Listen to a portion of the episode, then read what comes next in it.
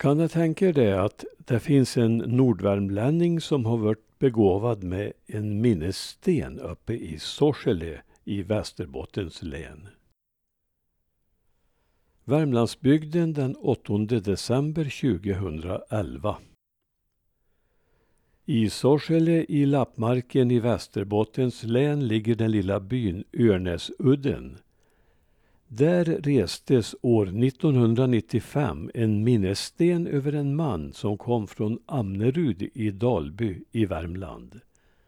En man som varit synnerligen okänd för eftervärlden i sin födelsebygd. Han hette John Levin men föddes 1862 som Jon Nilsson på Kroknilstorp i Amnerud. En som dock uppmärksammat hans gärning är Nils Gustav Hyljenmark som spårat honom i kyrkböckerna och skrivit om honom i ett kyrkoår i Dalby 2004. Varför reser man då en minnessten över en Dalbybo så långt efter hans levnad och dessutom över 80 mil hemifrån? Att han blev en betydande person som gjorde avtryck i sin nya hembygd är givet. Stenen restes för att högtidlighålla att det var 100 år sedan Levin kom till Sorsele och dit kom han som missionär, utsänd av Göteborgs lappmissionsförening.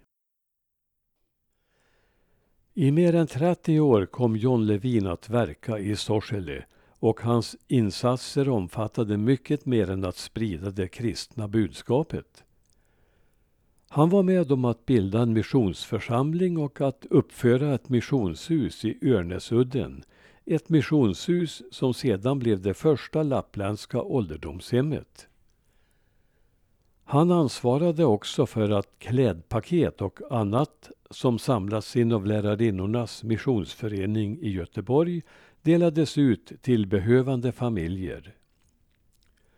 Skördefester anordnades för att få in medel till verksamheten och söndagsskolor startades. Verksamheten var främst riktad till samerna men omfattade även den bofasta befolkningen. I ena delen av missionshuset bodde Levin med sin hustru och en växande barnaskara Makarna fick sammanlagt sju barn. Torpet i Amnerud, där Levin växte upp som Jon Nilsson, var mycket fattigt, liksom de flesta torp i bygden. Fadern hörde till den stora skara som ofta fick ge sig ut på arbetsvandringar och redan som 15-åring började också sonen följa med. Då kunde det bära iväg ända till Hälsingland. I 20-årsåldern kom han till Kristinehamn för att gå i skomakarlära och hamnade då i en så kallad finfamilj.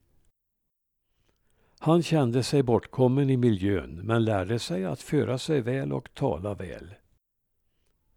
Han deltog i väckelsemöten och medverkade i musikgrupper. Han sjöng och spelade gitarr, flöjt och orgel.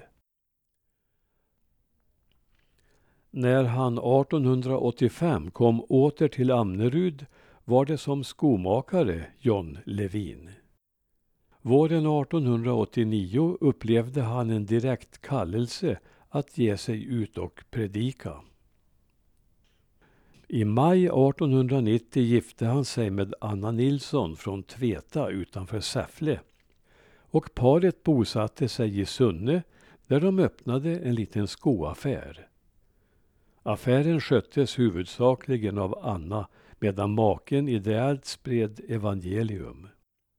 Han sökte och kom in på en kurs för missionsarbetare uppe i Degerfors i Västerbotten och under denna tid lärde han känna och förälska sig i lappmarken. En handlare övertog skoaffären i Sunne och familjen etablerade sig snart i Örnesudden. John Levin blev ordförande i Nedre Gautsträsk missionsförening. Arbetet med att samla medel till ett missionshus startades och 1901 stod huset klart med bönsal på ena sidan och predikantbostad för familjen Levin på den andra. Arbetet innebar en hel del strapatser inom det vidsträckta området.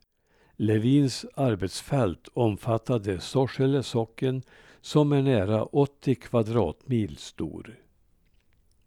Anna skötte hemmet och en predikanthustrus plikter och missionsstationen blev något av ett centrum i bygden. Efter en tid inrättades ett ålderdomshem i huset och det föll på paret Levins lott att se till detta. 1908 var hemmet klart att tas i bruk. Så hände något. Det skar sig med ledningen i Göteborg och makarna Levin ersattes av annan föreståndare för ålderdomshemmet. Orsaken är oklar men från ledningen kom också uppmaning till familjen att skaffa annan bostad.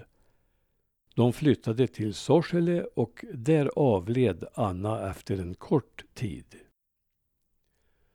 En strid uppstod också med pingströrelsen som tog många av församlingens medlemmar och tiden för Levins missionsverksamhet gick mot sitt slut. Med sin nya hustru Hildur flyttade han till Sunne 1927 men saknaden efter fjällvärlden blev så stor att de återvände dit 1930. Några veckor senare dog John Levin och han jordfästes i Sorsele kyrka. Ett mycket ovanligt levnadsöde för en fattig torparson från Dalby. Avtäckandet av minnesstenen 65 år efter hans död visar att hans livsgärning inte blivit glömd. Några fakta.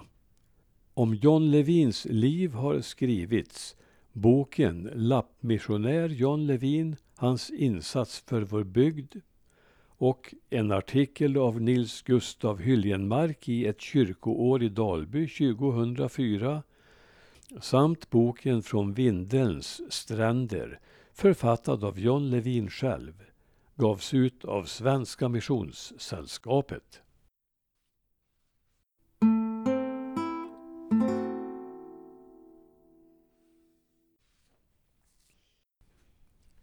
Och så en dikt av John Levin.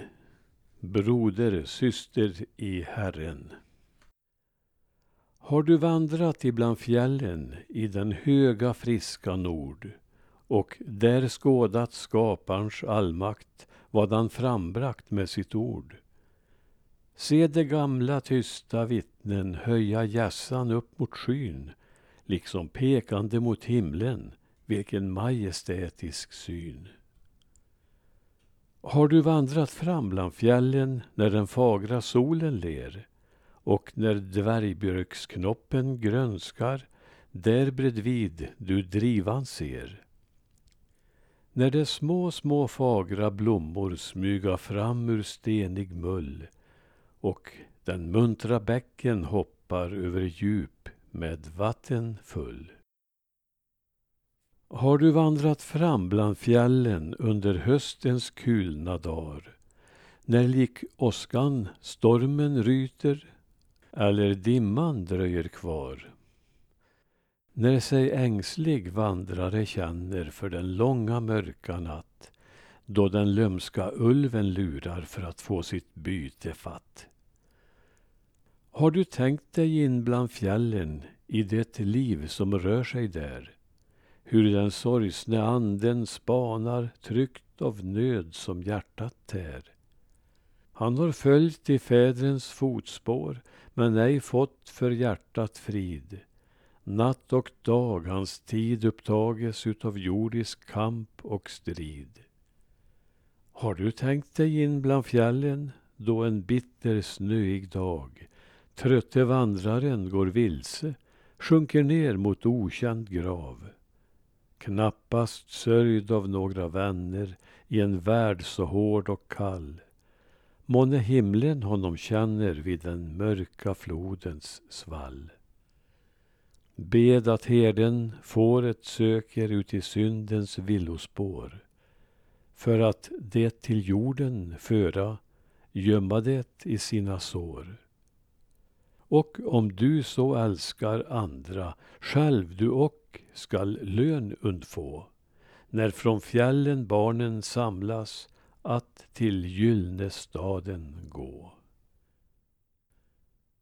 Skriven av John Levin den 27 i nionde 1902